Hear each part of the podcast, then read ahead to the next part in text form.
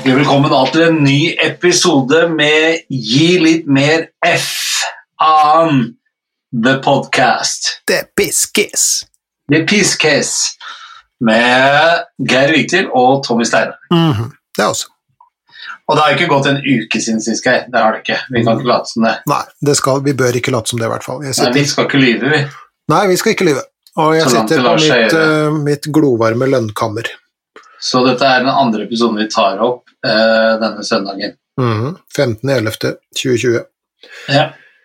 Eh, Men vi begynte på i forrige episode, eh, og det skal vi fortsette. Men før vi går hopper rett i det, så snakket vi jo i forrige episode litt om eh, hvordan kan man hjelpe folk rundt seg som eh, sliter? går mhm.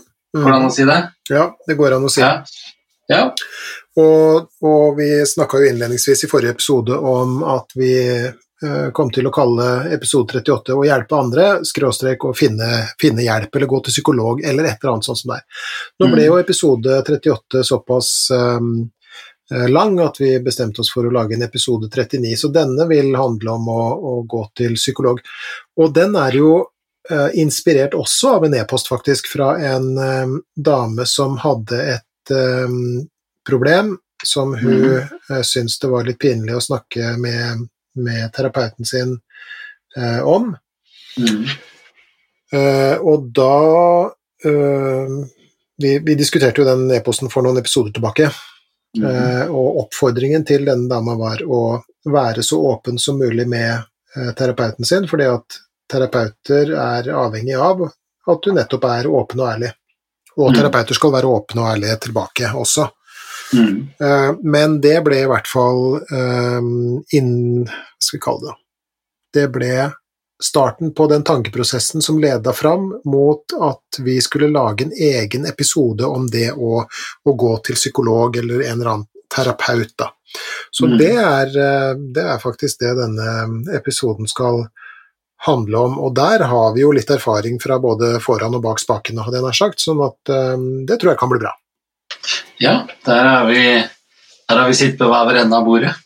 Ja, men du vet at jeg har også sittet på den, eh, den andre siden eh, av bordet, altså klientsida. Mm. For da jeg var eh, ung og, og vakker og var student og sånt noe, så hadde jeg en periode av, av livet som var ganske uh, trøblete, og som leda meg til en Først en psykolog som var aldeles skrullete, for å si det rett ut. Og så til en eh, annen som var et eh, fabelaktig menneske og en veldig god eh, fagperson, etter mitt estimat, og som gjennom noen veldig, veldig enkle grep gjorde at en ung student greide å reorientere seg litt i tilværelsen. Da. Ja. Så du spurte meg i forrige episode hva var det som leda meg inn på, på det yrket her, og jeg sa at, Ja. at det handla i, det store og hele om at jeg da jobba i akuttmedisin og hadde en viss sånn eh, eh, tak i det å, å snakke med folk i, i, i krise. Men Talent brukte du faktisk. jeg brukte ordet talent, ja. ja. Ja. Det er jo et bibelsk begrep. det var jo en myntenhet en gang i tiden. Var det? Ja, man skal skjøtte sine talenter. Altså at uh, Husker du historien om Jeg lurer på Jeg lurer på om det er fra historien om den Hva heter det? Den fortapte sønn. Ja. Fordi at den, han, eh, han, han skjøtter jo ikke sine talenter. Han får jo forskudd på arv, han der fyren der. ja. Og så går han ut i verden, og så bruker han det på fest og, og dop og prostituerte antagelig. Eh, og så kommer han tilbake, og så blir han da eh, Faren slakter den beste oksen og, og sånt, og feirer at sønnen er tilbake. Ja. Eh, og det er der ordet kommer fra. Hvis ikke jeg tar aldeles feil, men det tror jeg ikke. Så Nei, jeg ja, stoler på deg. Ok, men for å komme tilbake til på spor igjen, da. Ja. Um, uh, jo, et visst talent i det å jobbe med folk i krise, men uh, det å møte denne psykologen som ung, um, ung mann, Mm. det var uh, inspirerende, og det har nok også bidratt til at jeg har glidd inn mot dette fagfeltet, tenker jeg.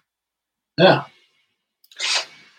Det er jo merkelig, men jeg husker jo når vi hadde Cecilie som gjest i studio også, mm.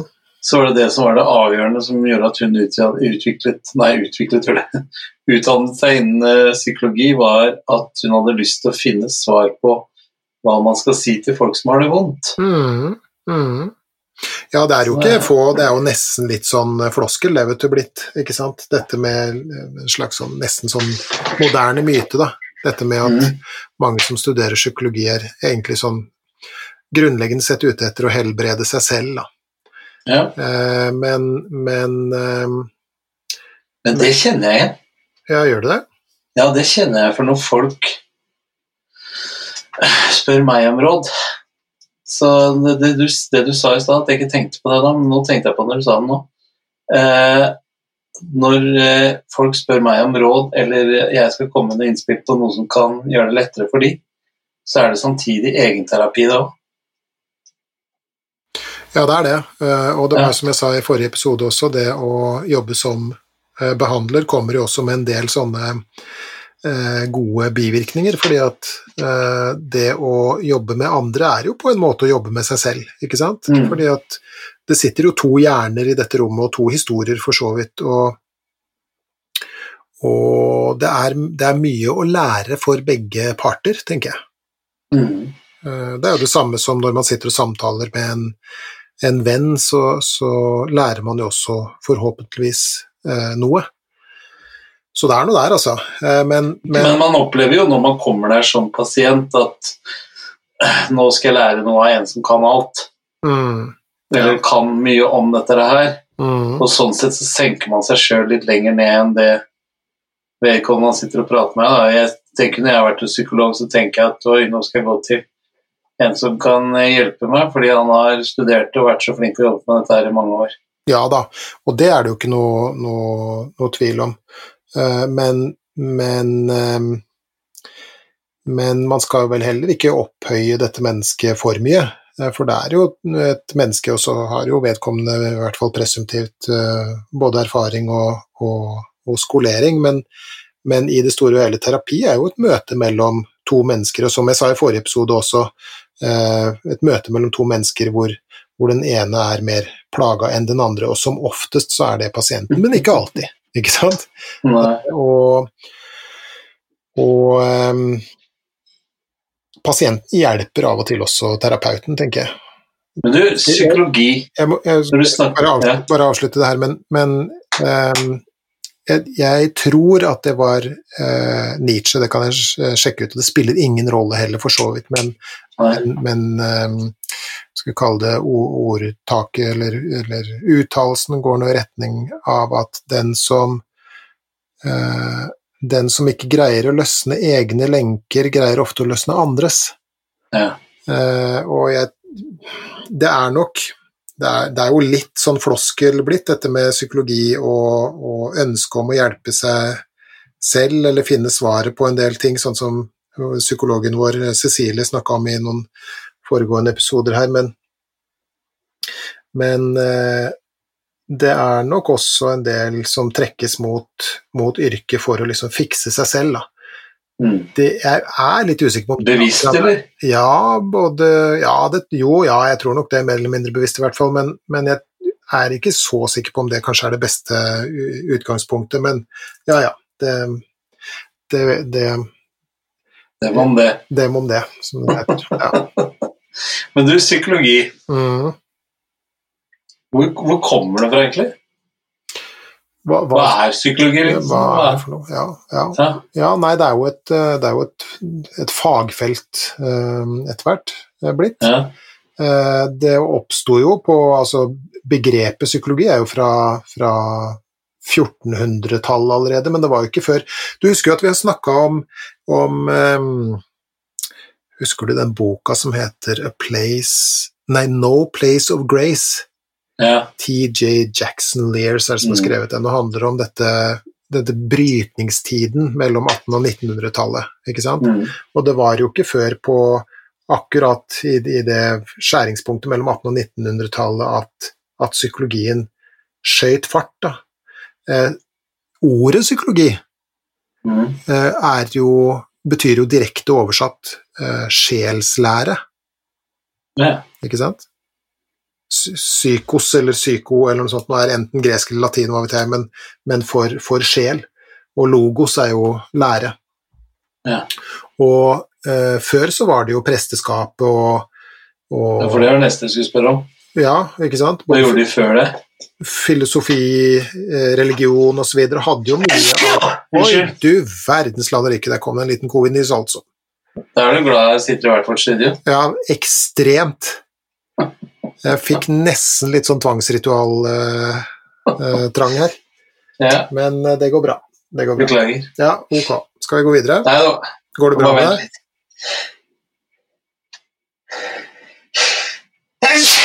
Oi. Jeg kommer alltid tre. Nå har det kommet to. Men jo, for det var det jeg skulle spørre om. Så før eh, psykologien ble liksom et fagområde, så var det prester? Kommer det en til? Ja, det gjør alltid tre. Ja.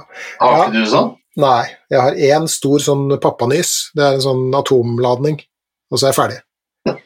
Jeg drev ikke med sånn uh, pyssenyssing. Tre på rapen. Nei, nei.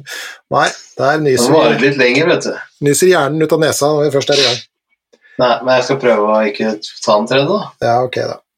Eh, men i hvert fall, eh, jo, eh, mye av eh, det som i våre dager ivaretas av, eh, av psykologer, ble nok i, i stor grad ivaretatt av både, eh, si, både filosofer fra, fra tidlig av. sant? Svaret på de, både på de store og små spørsmål, da.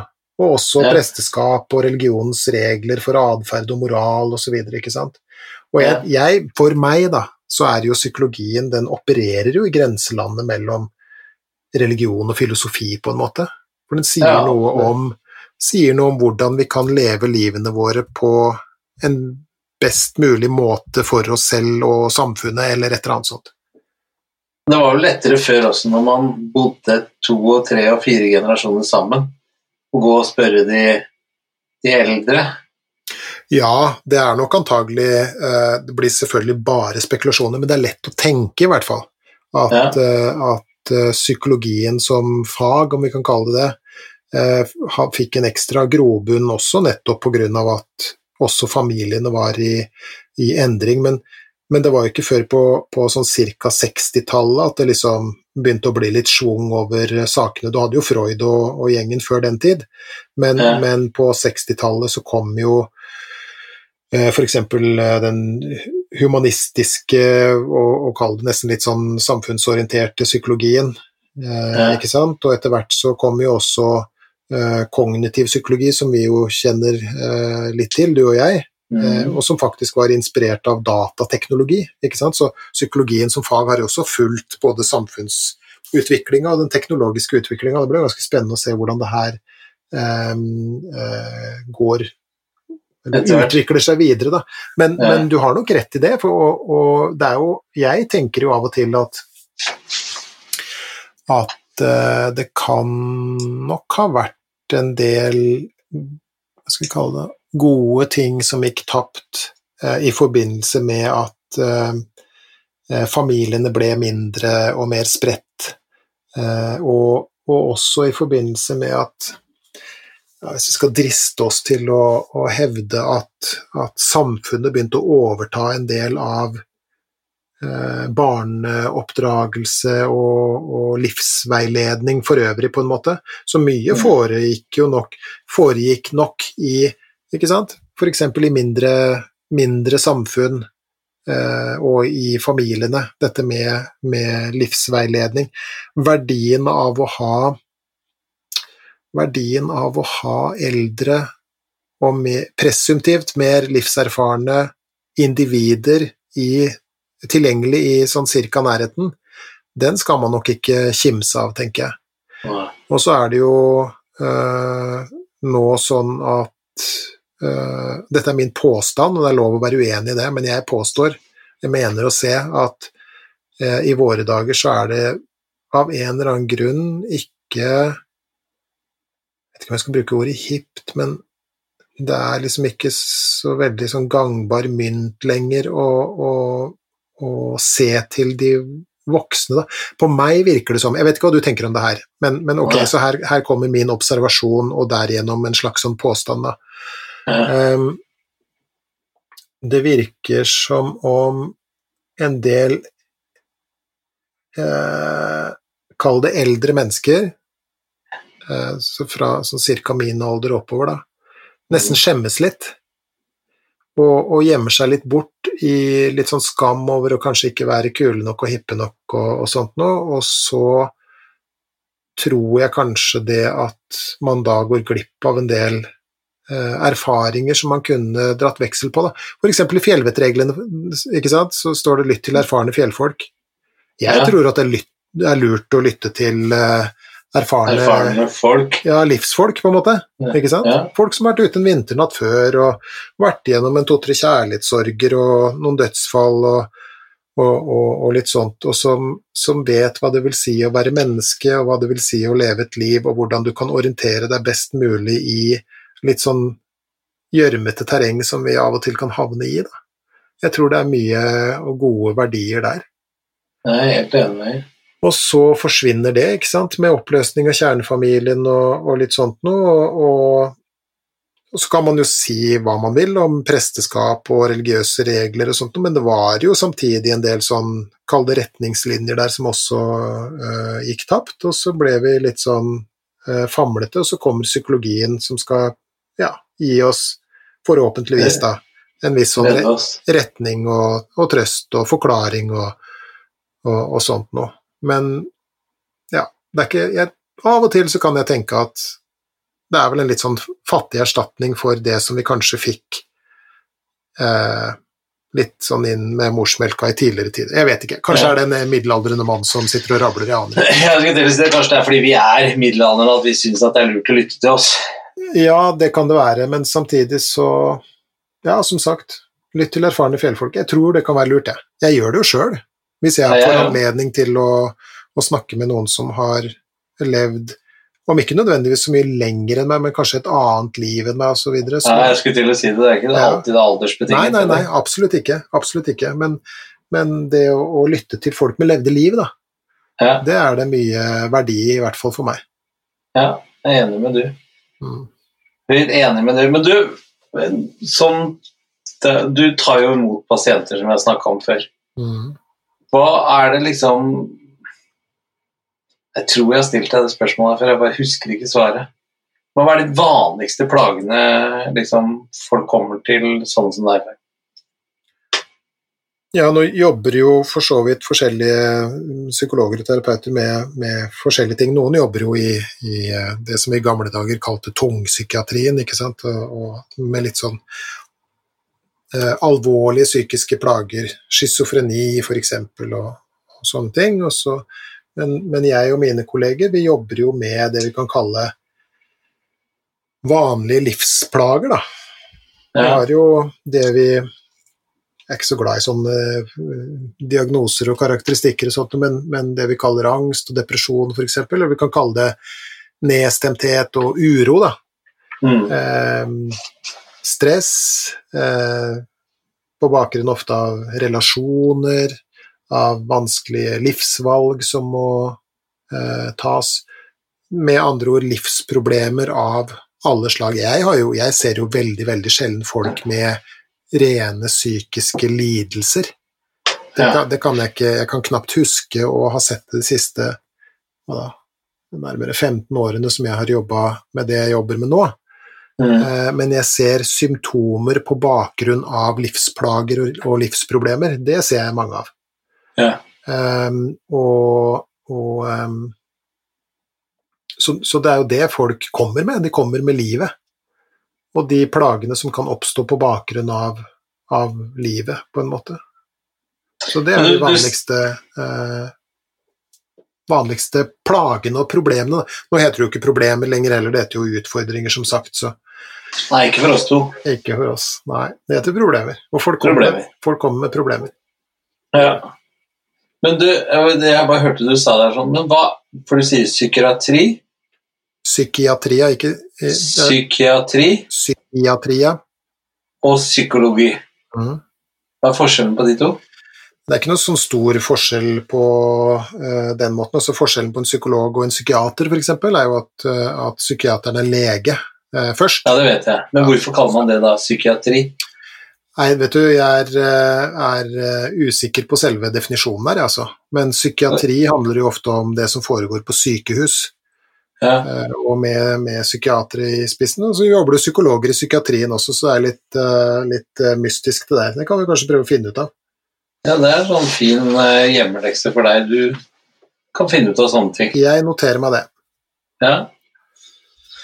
Ok, men denne episoden her skal jo handle om uh, hvordan skal man uh, få tak Eller hvordan, hva skal man gjøre når man føler at man har behov for å gå og snakke med noen profesjonelle på det området her?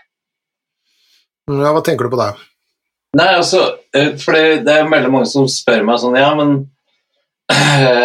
hvor er det jeg kan henvende meg? Er det fastlegen jeg skal snakke med, eller hvordan er det der? For Er det en, er det en bestemt regel eller lov eller sånt som bestemmer hvordan man skal gjøre det, eller kan man Jeg vet jo, psykologer kan man oppsøke sjøl uten noen henvisninger eller noe sånt Nå. Mm, man kan finne seg en psykolog, ja, hvis man vil. da betaler man jo absolutt alt sjøl. Ja, ikke nødvendigvis, for du kan, eh, du kan finne en psykolog som har såkalt drifts, driftsavtale, Ok. eh, og som gjør at eh, det dekkes opp til eh, hva heter det, frikortgrense og sånt, noe, men de har ofte veldig lang eh, ventetid, litt avhengig av hvor i landet du bor, selvfølgelig. Eh, og så har du de som jobber privat som ikke har den type eh, avtaler med, med det offentlige, og da må du betale alt selv. Men hvordan skal man vite hvem man skal gå til, eller hvor, hvor man skal oppsøke? Er det noe er det noen sånn psykologtelefon, eller man kan ringe oss og si 'dette her plager jeg seg med', og så blir man henvist til riktig sted? Eller? Ja, det hadde jo kanskje vært litt ålreit, uh, det. Hatt en litt Ja. sånn uh, 800 psykolog, liksom. Ja. Uh, men det finnes jo ikke. Så det Man er går da til legen sin først, da. Ofte så er det legen man, eh, man går, til, eh, går til først, og det er eh, lurt av flere grunner. En ting er jo at legen ofte har eh, i hvert fall sånn noenlunde oversikt over terapeutressurser i, i sitt nærområde. Nær- og fjernområde, kan man kanskje kalle det. Eh, og det andre er at eh, det er veldig lurt også å involvere legen sin, fordi at legen er jo, er jo hva skal jeg si, den som, som skal koordinere din, din helse mm, helseinnsats, eller hva søttan man skal kalle det. Eh, Mm. og dessuten så er det jo også sånn at hvis man opplever å plages med noe eh, Mm. som man selv tenker kommer fra ens egen syke, da, Mm. så er, er det veldig lurt å diskutere det med legen, for det finnes også dessverre en del sånn øh, kroppslige tilstander som kan gi symptomer som kan forveksles med, med eh, det vi kaller psykiske øh, plager. Blant Mm. annet også det som, som er mest nærliggende, er øh, forskjellige typer stoffskifte. Mm. problematikk, ikke sant? Mm. Så, så, så fastlegen, hvis man da går og beskriver plager til sin fastlege, så vil fastlegen f.eks. da ta blodprøver eh, for å sikre at, at eh, det ikke er noe eh, kroppslig, for det er jo Det er jo noe eh, alle behandlere i både psykologi og psykiatri, hadde jeg nær sagt, er redde for. Det Mm. er jo å skulle begynne å behandle noe psykologisk som er somatisk, som det heter, altså det, som, som har, sin opprinnelse i, i, i kroppen. Mm. Det, det er vi redde for. Og da Så- må vi snakke med legen først. Så all det første man gjør, er hvis man føler at man ikke har det bra, er å ta kontakt med legen sin. Mm, det, Det er det lureste tipset du det er veldig lurt. Og det Ja. andre lure tipset i så måte er jo også hvis man da er ferdig med å snakke med legen, så er neste lure tips å snakke med noen man stoler på. Ja. Ehm, eh, hvis du har, er så heldig da at du har noen av den litt sånn rolige og litt sånn, kall det livserfarne typen, Mm. eh, ja, sånn som du beskrev i forrige episode, da, som handler om å hjelpe andre. Hvis du er så Mm. heldig å ha en litt sånn rolig Tommy Steine i livet ditt som kan eh, ja, komme med sine betraktninger og sine åpne spørsmål, og, og som kan berolige og, og inkludere, på en måte, Mm. så er det også god, god medisin. Det er ikke alltid at man trenger eh, psykolog, mye kan jo også løses gjennom å snakke med en god venn, f.eks. Eller snakke med legen sin. Mange leger er også åpne for å, å kunne snakke om den eh, type ting, og sette av litt ekstra tid hvis man ber om det. Ja. Ja, for det er sånne ting som man egentlig ikke veit så mye om. Nei, det er jo ikke lett å Jeg opplevde jo at det var Jeg, ja, jeg kontakta til slutt legen min uh, med dette her sånn. Uh, Hvor- hvordan, hvordan kom du på å gjøre det, da? Var det noe du visste fra før, eller? nei. Det var uh, Jeg lurer på om det var Linda som sa det. Da må du ringe legen Det, og få en time. det, det høres jammen meg ut som om hun har gitt deg noen gode råd opp igjennom. Ja, det skal hun faktisk beskyldes for. Mhm, Det har vært mange gode råd, mhm. og vice versa, håper jeg. Men Det eh, er, Nei, men jeg det, er, det, er, det er det som er fordelen, vet du. Unnskyld at jeg avbryter deg, men jeg vil bare Mm. skyte inn der. så En slags, kall det en innskutt bisetning. Det er et ord jeg har funnet okay. på. Ja. Ehm, uh, det Ok, så Når mine klienter da sitter inne hos meg mm, og har det fælt, mm, f.eks. første time, da. Det er, det, eh, det er alltid verst første time, på en måte. Hva er min fordel når jeg sitter der som terapeut? Jo, min fordel er at jeg ikke eh, kjenner min klients følelser. mm. Og det kan være, også da være fordelen til Linda, sånn med tanke på deg. mm. At hun kjenner ikke de følelsene som stormer i deg.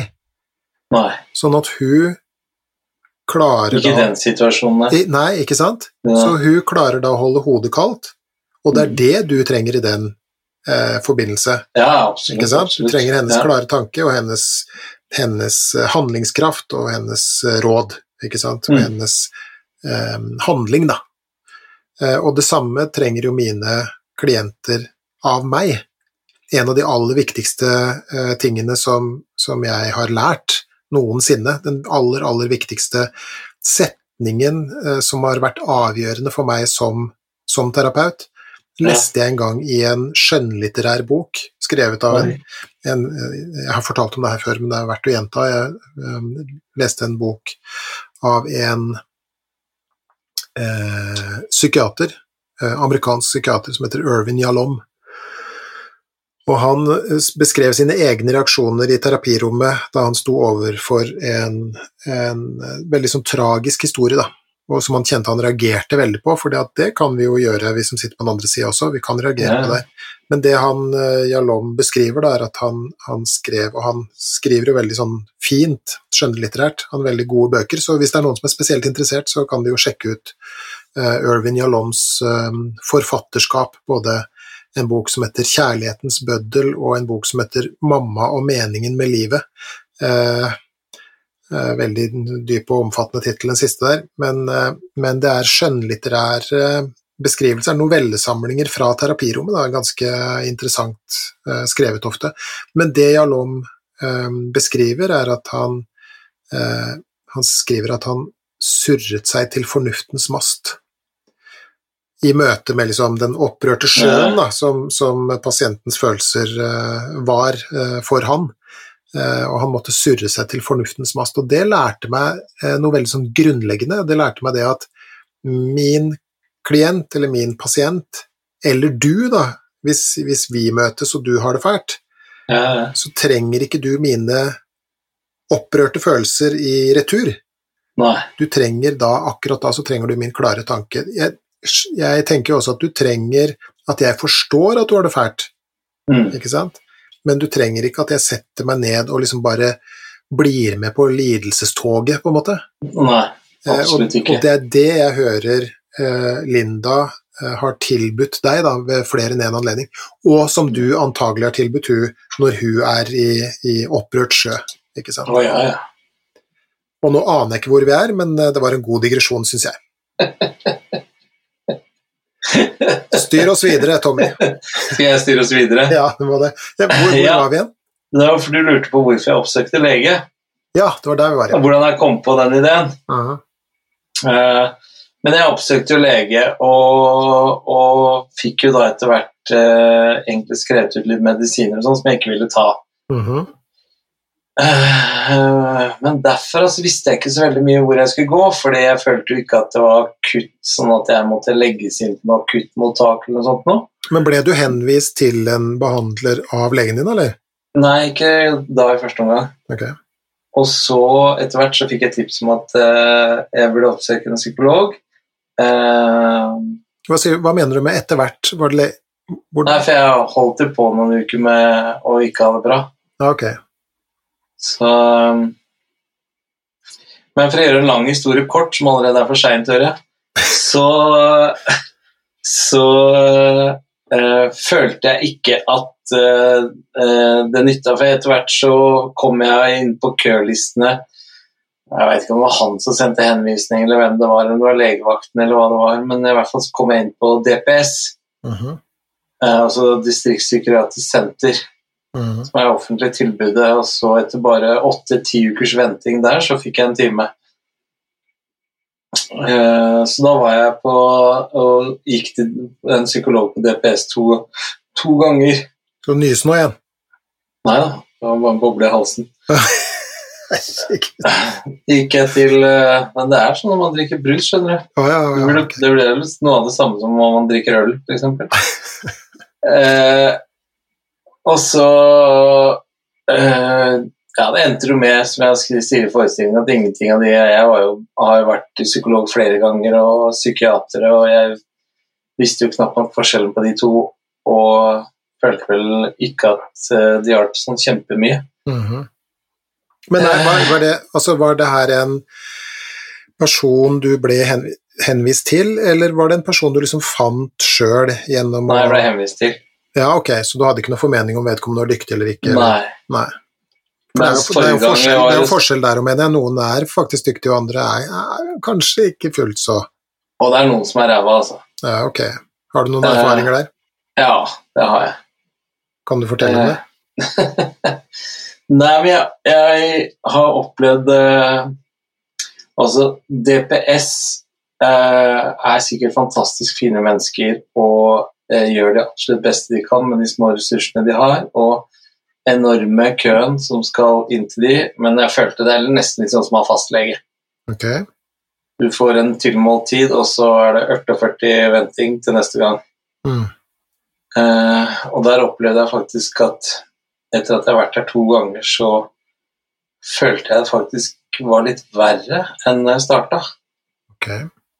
Og så sa jeg dette her til vedkommende jeg kom der tredje gangen. At du etter forrige time så følte jeg meg faktisk litt dårligere enn når vi starta, for å være helt ærlig. Og da sa vedkommende til meg at det var bra, det var et tegn på at det virker. Mm. Og da Det holdt for meg, altså. Det, Hva tenker du om det, da? nei, det syns jeg er noe forbanna piss. For å si det Det- rett ut. Ja, for å si det rett ut. Ja. Eh, jeg har gått på Grete Rode-kurs en gang og hun skulle tatt seg ut at jeg kom der og veide ti kilo mer enn seg. Ja, det er bra, det viser at slankingen nytter. Ja, det hadde jo vært et litt dårlig innsalg. Nei, men jeg følte at uh, det var ikke av at uh, denne terapiformen han brukte på meg, funka så utrolig bra at jeg fikk det verre. Mm. Det var vel nettopp i mangel på kjemi mellom oss to som Mm. gjorde at det stranda. Mhm. Ok, Og da kuttet jeg jo ut dette her og eh, drev med selvhelbredelse, eh, trodde jeg. Det hjalp ikke så mye det, før jeg da oppdaget denne boken din på nettet. mm. Så alt dette har skjedd i løpet av tre måneder. Men jeg har jo vært til psykologer før, og så har jeg vært i behandling for sånn Jeg hadde jo så flyskrekk en stund, og så tenkte jeg ja og oppsøke psykolog. Så jeg har liksom vært borti flere sånne terapi... Hva er det dere kaller det? Metoder, er det det? Mm. Mm. Litt sånn til, tilnærminger eller forskjellige greiner og sånn, ja? Ja, ikke sant? Sånn, sånn som du og jeg, vi snakker jo mye om dette her med metakognitiv terapi. Mm. Men jeg har jo, med den flyskrekken så skulle jeg jo være med på noe som het eksponeringsterapi. Mm. Hvor jeg liksom skulle face liksom denne frykten jeg hadde for fly. Ja. Eh, og det er sikkert veldig bra for mange, eh, at, eh, men akkurat der og da så funket ikke det for meg heller. Okay. Så jeg føler faktisk ikke og jeg vet, Det her høres ut som at jeg eh, totalt eh, sleker over hele din eh, veltrente crossfit-rygg, men eh, det er først i møte med metakognitivt, og jo til dels også litt kognitivt, at jeg føler liksom at det er, er noe som jeg har trua på. da. Mm. Mm. Ja, nei, altså um, um, Det du beskriver som, som uh, eksponeringsterapi, er jo en, en, vesentlig del av det vi kaller kognitiv terapi. Mm. Uh, og det er jo gullstandarden, i hvert fall når det kommer til uh, det å behandle angstlidelser. Ja. Så er det jo eksponering Så kommer det selvfølgelig an på hvordan det gjøres og sånt noe. Det kan gjøres med finesse, og det kan gjøres klønete, det, så det er jo ikke noe har jo ikke noe med det å gjøre, men, men at det er gullstandarden, det er det. Um, og hensikt Hvem er det som bestemmer det? Nei, altså forskningsmessig så vet vi at det gir uh, best resultater. Det å eksponere noen. Og det er, Men er det sånn at alle dere psykologer i en psykologforening bestemmer at nå skal vi Det er den måten, eller er det, er det opp til hver enkelt psykolog? Uh, hva som skal brukes, tenker du på tilnærminger? Ja. Nei, det, Ja. det er mye opp til den enkelte psykolog hva vedkommende er trent til og tror på. og sånt noe, For det, det er jo det som er litt sånn guffent med psykologien, syns jeg, da, det er jo det at det finnes så utrolig mange eh, eh, tilnærminger og retninger og sånt noe. Eh, jeg har sett tall fra 1200 og til litt sånn i underkant av 1000 forskjellige terapeutiske eh, retninger. Eh, En av de mest eh, bisarre jeg har vært borti, er noe som heter 24 timers nakenmaratonterapi, som jeg er veldig glad for at jeg aldri noensinne har blitt utsatt for, men, men hensikten skal visstnok da være å redusere forsvaret. Man kler seg naken og sitter i en ring i 24 timer og snakker om, om det som er vanskelig. Da. Eh, Og det er for å, som sagt, redusere pasientens forsvar og slite dem litt ut og, og sånt noe, da. Og så det, det kan godt det høres veldig sånn 60-talls ut, så jeg skal ikke harselere Ja. med det, altså. Men i hvert fall eksponeringsterapi er, er, eh, er, er det forska veldig mye på, og, og ikke bare det, men det er jo også en del av, av livet. Vi vet jo, Ja. Det er jo eksponeringsterapi vi benytter overfor våre barn, f.eks. når vi Mm. drar med barna våre på f.eks. en skummel lekeplass. ikke sant? Mm. og vi gradvis eksponerer dem for eh, det vanskelige og skremmende livet. Da. Mm. Og hensikten med eksponeringsterapi er jo ikke å bli mindre redd. Hensikten med eksponeringsterapi er å oppdage at du klarer ting til tross for at du er redd. Det, ja, Ikke sant? Og det er jo, det er jo noe, noe annet. Men som sagt så kan det jo leveres eh, mer eller mindre elegant, og så kommer det selvfølgelig litt an på hvor, hvor du er hen sånn, sånn mentalt sett også. Men det du da beskriver, er at det fungerte ikke så godt på deg den gangen. Nei, ikke Nei. eh, Nei, det vil jeg si. Hva er det du driver og fikler med nå? Nei, nå sitter jeg og ser på tidtagingen her også, så jeg føler at vi ikke går over på tid. Ja, ok. Uh, nei, jeg f eh, Det funka Kanskje det funka litt Jeg blei sikkert litt rann, For jeg, det her gjorde jeg noe for å bli tåle flyskrekk bedre. Mhm, Og jeg er jo ikke så redd for å fly nå som jeg var. mhm. Men jeg vil jo si det at jeg tok eh, og uttalte meg til pilot sjøl, som er jo ypperste form for eksponeringsterapi. Ja, du verden. Ja, det, det er det som har hjulpet mest. Så da funker det vel, da, med eksponeringsterapi på meg på den, på den biten. Skulle tro det. Og så er det jo sånn, for jeg har jo flydd sammen med deg, vi flydde sammen til Bergen blant annet. Mm. Og jeg vet jo at det er jo ikke med stort velbehag du går inn i et eh, fly. Eh, Nei, jeg men, syns ikke noe vits i å digge det. nei, nei. Men du gjør det. Ja, ja. Så til tross for ubehag osv., så, videre, så gjør du det. Mm. Da kan man tenke at ja, men da er det godt mulig at eh, eksponeringsterapien fungerte sånn som man eh, håper at den skulle fungere, da. Men nå flyr jeg veldig lite, så akkurat det syns jeg er litt sånn helt greit med korona. Ja, du er litt glad for pausen, eller? Ja, Ja. det er eh, På det verste så er jeg liksom oppe i tre-fire reisedøgn i uka med fly. Mm. Og jeg kjenner at man, jeg er mindre sliten nå enn da. Ja, ja, ja. Ja da. Men uh, det her skulle ikke handle om meg og min flyskrekk. Uh, fordi det var du som spurte om jeg hadde hatt dårlige opplevelser mm. uh, med behandlere, og det har jeg. Men jeg har også hatt gode opplevelser. Fortell om det. Uh, ja, det blir igjen vanskelig, men vårt første møte etter at jeg hadde lest boka og vi hadde maila litt fram og tilbake, Mhm. eh, så husker jeg så pratet vi egentlig litt på noe generelt nivå, ikke som at jeg følte meg noen pasient av deg på noen måte eller ikke. Eh, men igjen tilbake til det vi egentlig snakket litt om i forrige episode, som også var tips da. Dette her å stille seg undrende. Jeg opplevde det å eh, være i samtale med deg som veldig lite påstående. Mhm. Jeg følte at det var ikke sånn at du sto på din eh, utrolig lange utdannelse og så ned på meg. Det er det sikkert ikke mange av dere som gjør, altså, men jeg følte ikke at det var den der kløfta imellom. Skjønner du hva jeg mener? Mm. Sånn at det var lettere for meg å både få følelsen at dette her er høyst normalt, sånn som jeg har det, og at du har hatt det på lignende måte eh, i andre situasjoner, og at det gjelder de aller, aller fleste av oss. Mm. Så mitt, så mitt møte med metakognitiv terapi, både i form av boken din og møtene mine med deg og vår jobb sammen, det har gjort at jeg har et veldig positivt syn på ja, den terapeutiske gruppen, om det går an å si det. Mm, Mhm. Ja, det er jo hyggelig, da. Men, men eh, sånn rent, rent bortsett fra det, da, har du, har du eh, For du har jo en viss, eh, hva skal vi si, kalle det terapierfaring, da, kan vi kalle det. Eh, er, det. Er det noen møter som liksom står, står fram som særlig gode, tenker du? Og i så fall, hva, hva kjennetegna det møtet?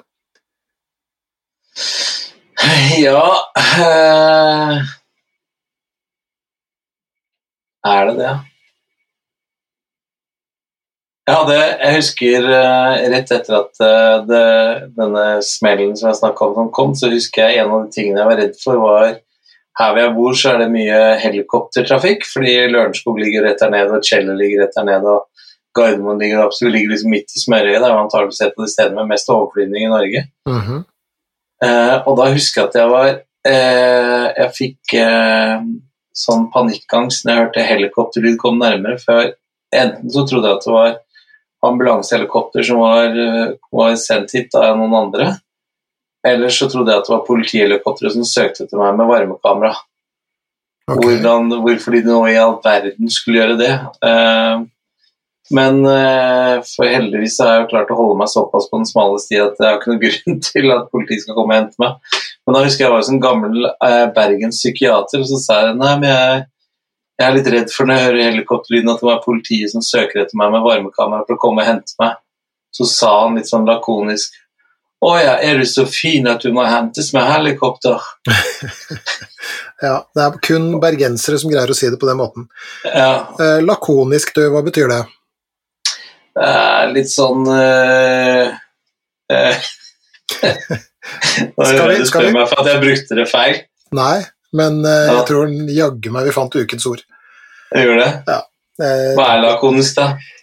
nei, lakonisk er ikke det noe i retning av ironisk, da? Jeg vet ikke, men vi Ja, for det var det, ut. ja, det, var det det var i den henseende jeg sa det. Ja, ikke sant? Ja. Det er litt sånn at den sier det litt på tull til meg. Litt sånn Jeg har, Eh, eh, jeg har bare Jeg har brukt det ordet kun én gang selv, og det var faktisk i forbindelse med en bergenser, så jeg lurer på om bergensere er liksom særlig lakoniske. Jeg lurer på det, altså.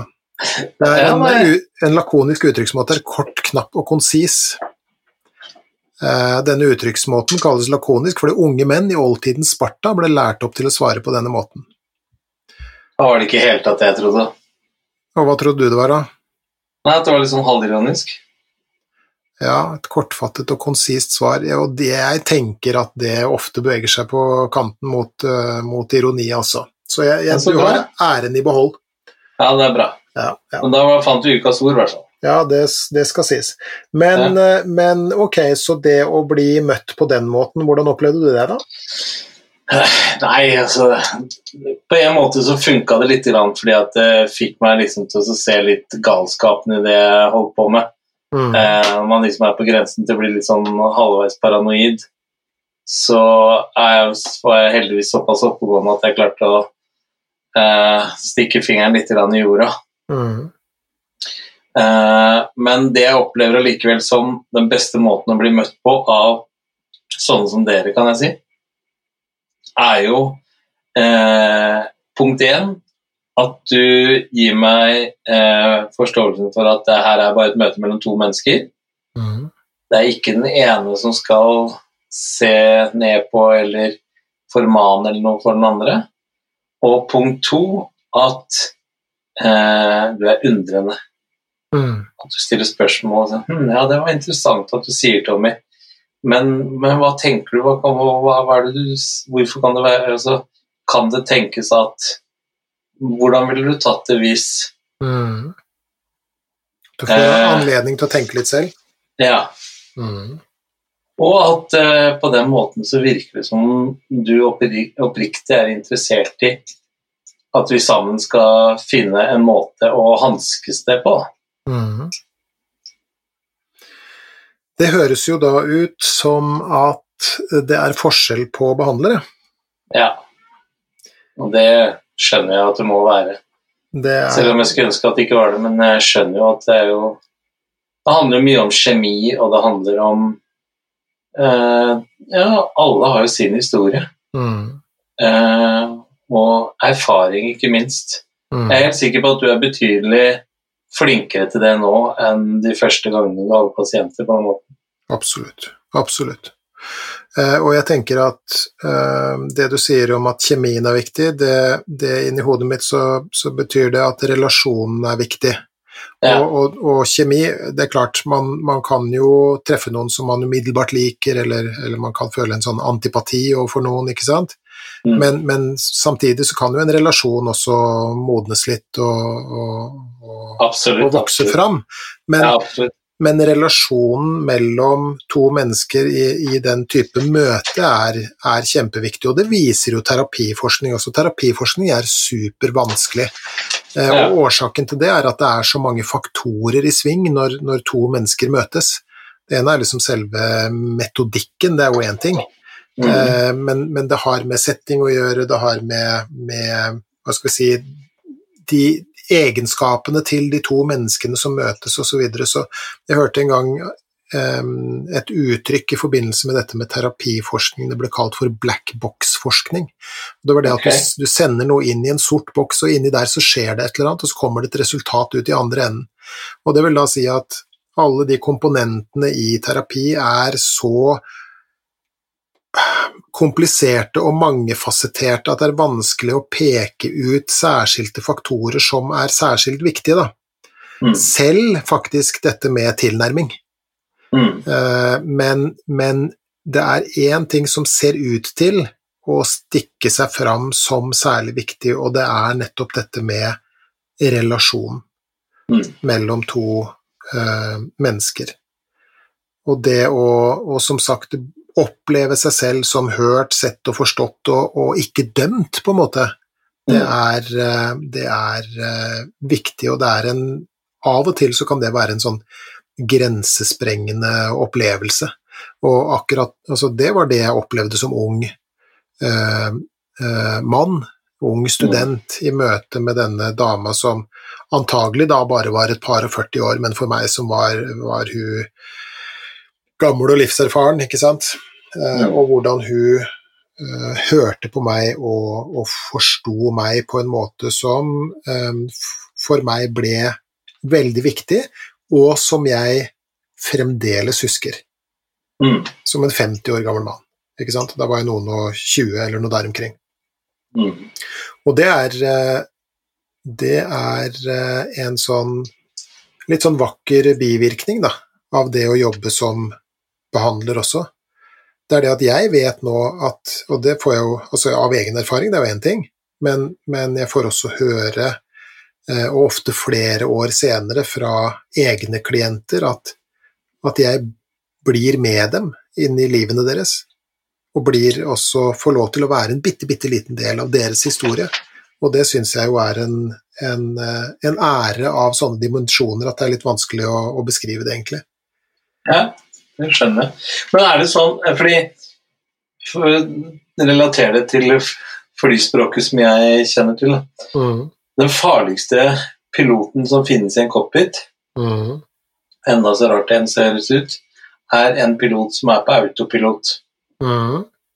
Altså, når du skal fly et fly, eh, så er det masse sjekklister du skal gjennom. Mm. Det er veldig lett når du har gjort dette her 10-15-20 ganger i løpet av en dag, å tro at du kan det. Og begynne å skippe på eh, sjekklistene dine.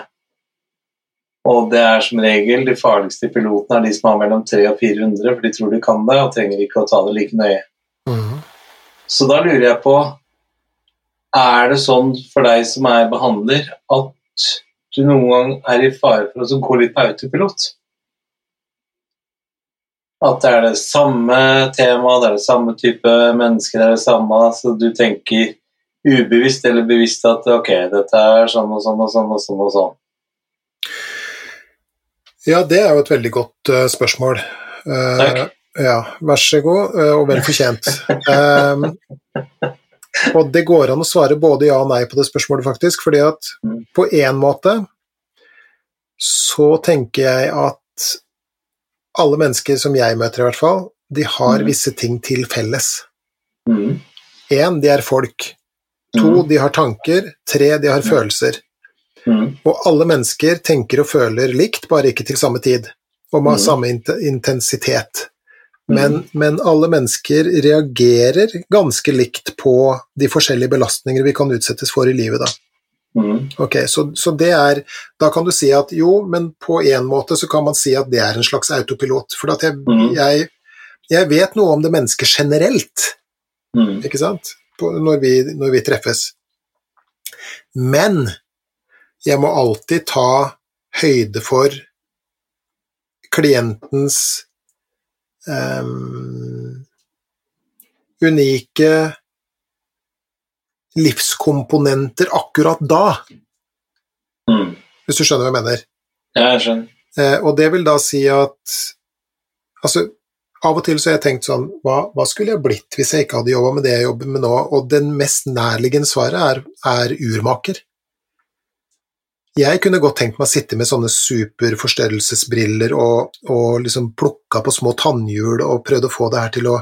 Og, og for meg så er et møte med et menneske som plages, det er litt sånn urmakeri, da Mhm. hvilket tannhjul er litt sånn ute av stilling, hvordan skal vi få det her til å tikke ordentlig igjen?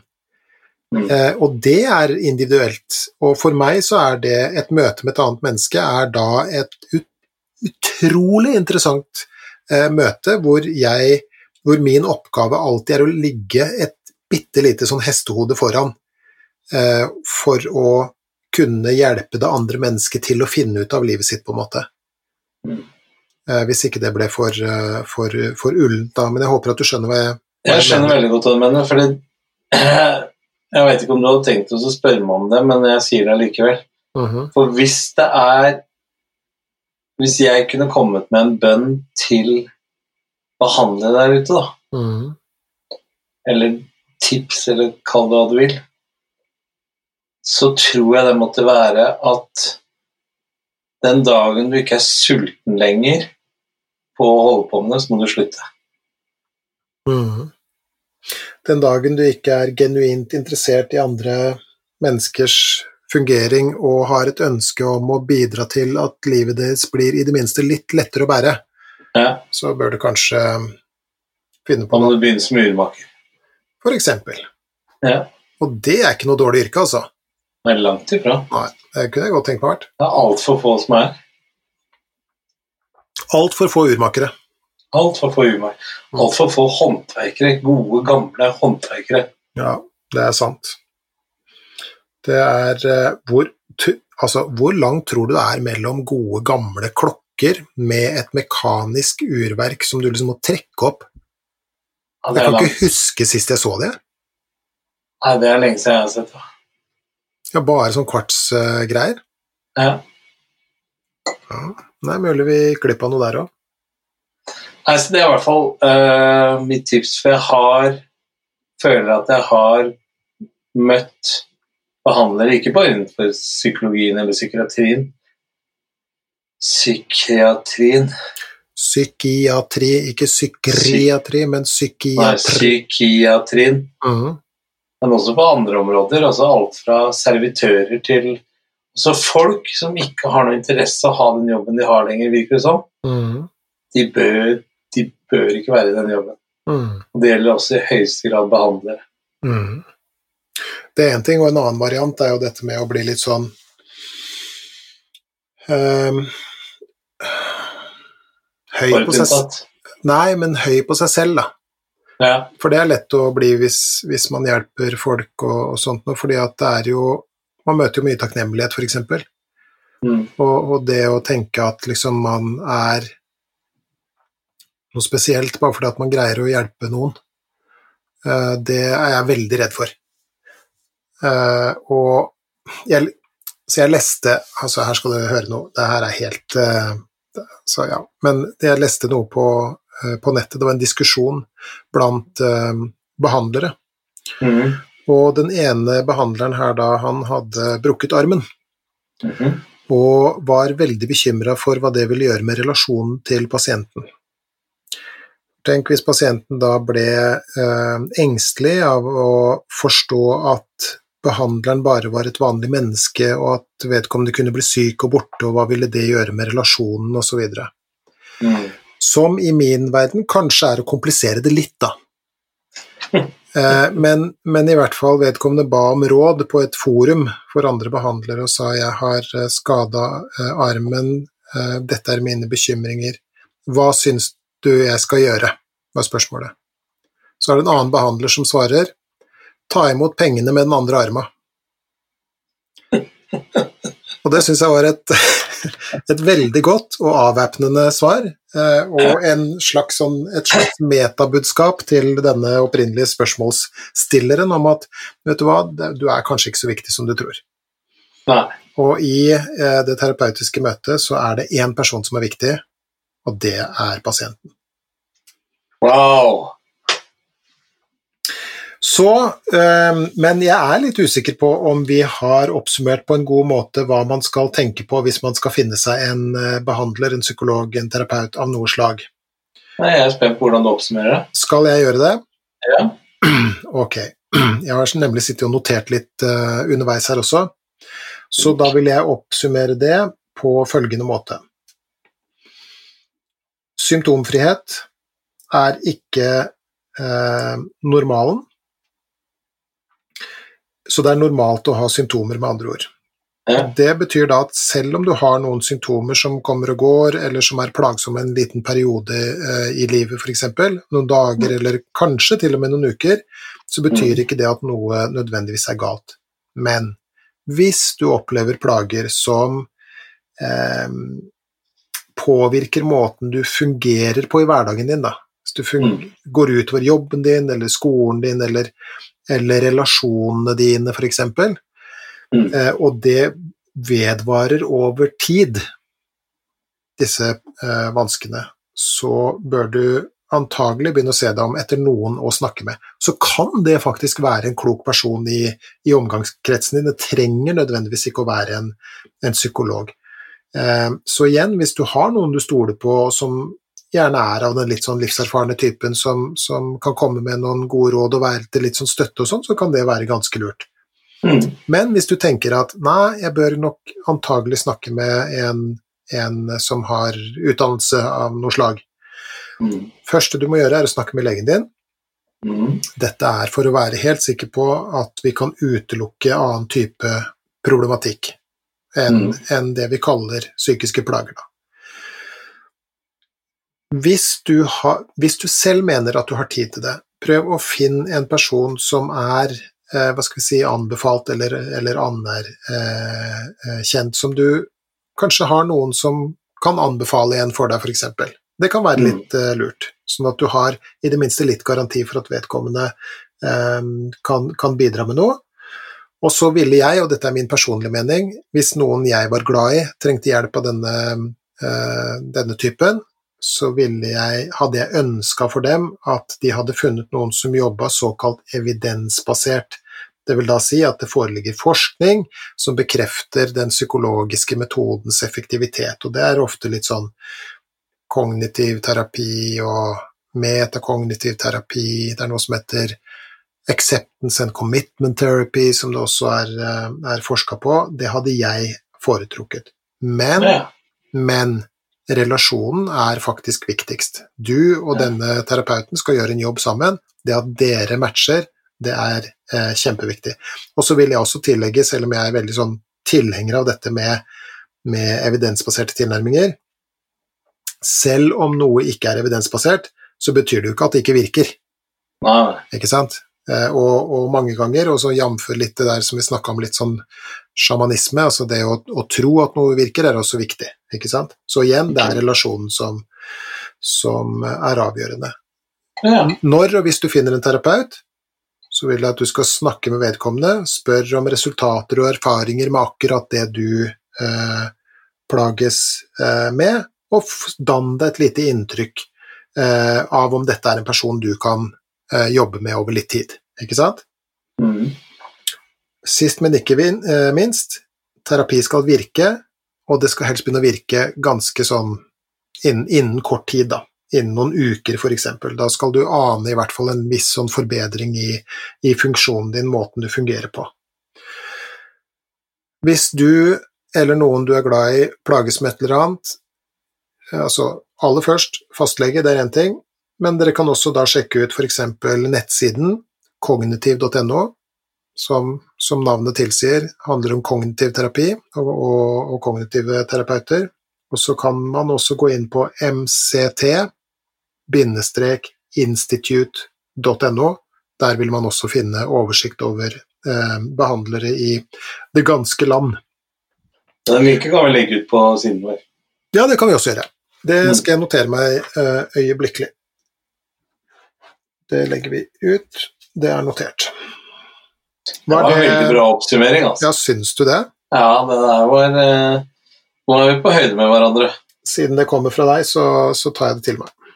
Ja, det er veldig bra. Mhm. Er det noe du ønsker å tillegge på Nei, slutten? eller? jeg, jeg satt akkurat mens du oppsummerte, men så tenkte jeg eh, fy flate hvor mye vi har fått snakka om. Ja, det, i dag har det vært eh, jaggu meg omfattende greier. ja. Ja, og ikke minst eh, Jeg er ganske sikker på at det er mange som sitter og hører på, som, eh, som ikke visste mye av det som du har fortalt nå. Mm.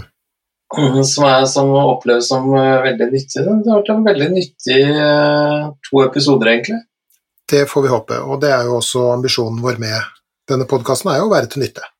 Ja. Og er det noe du lurer på utover det, så kan du folk sende oss mail også. Det kan de hvis de vil. Mhm. Ehm, Da sender du den til Ja, da bør de vel sende den til eh, vår e-postadresse, som er uh, gi litt mer f at gmail.com. Mm. Gi litt mer f i ett ord. Rullesull. Bangtongtown. All eh, kred til deg altså, for at du klarer å komme opp med nye navn på alfakrøll. Det er mer der det kommer fra. Ja, det tviler jeg ikke på. Det er eh, imponerende. Og så, eh, kjære, kjære lytter, du som sitter og hører på dette og syns det er fint at vi lager den podkasten her, så må du bli med og støtte oss både i form av å dele, dele, dele, dele, dele. Og har du mulighet til å gi oss anmeldelse og stjernetegn, så gjør det også.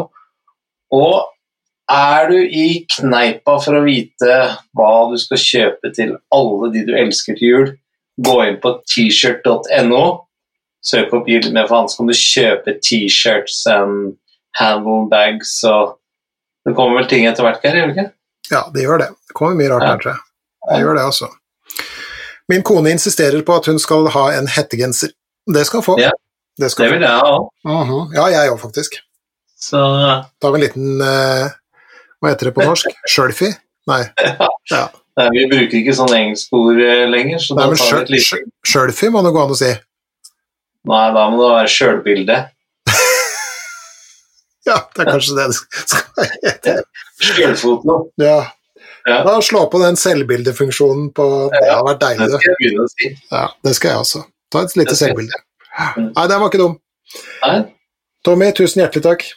I like måte, sjeferen. Vi snakkes hele tida. Det gjør vi. Ha det. Ha det.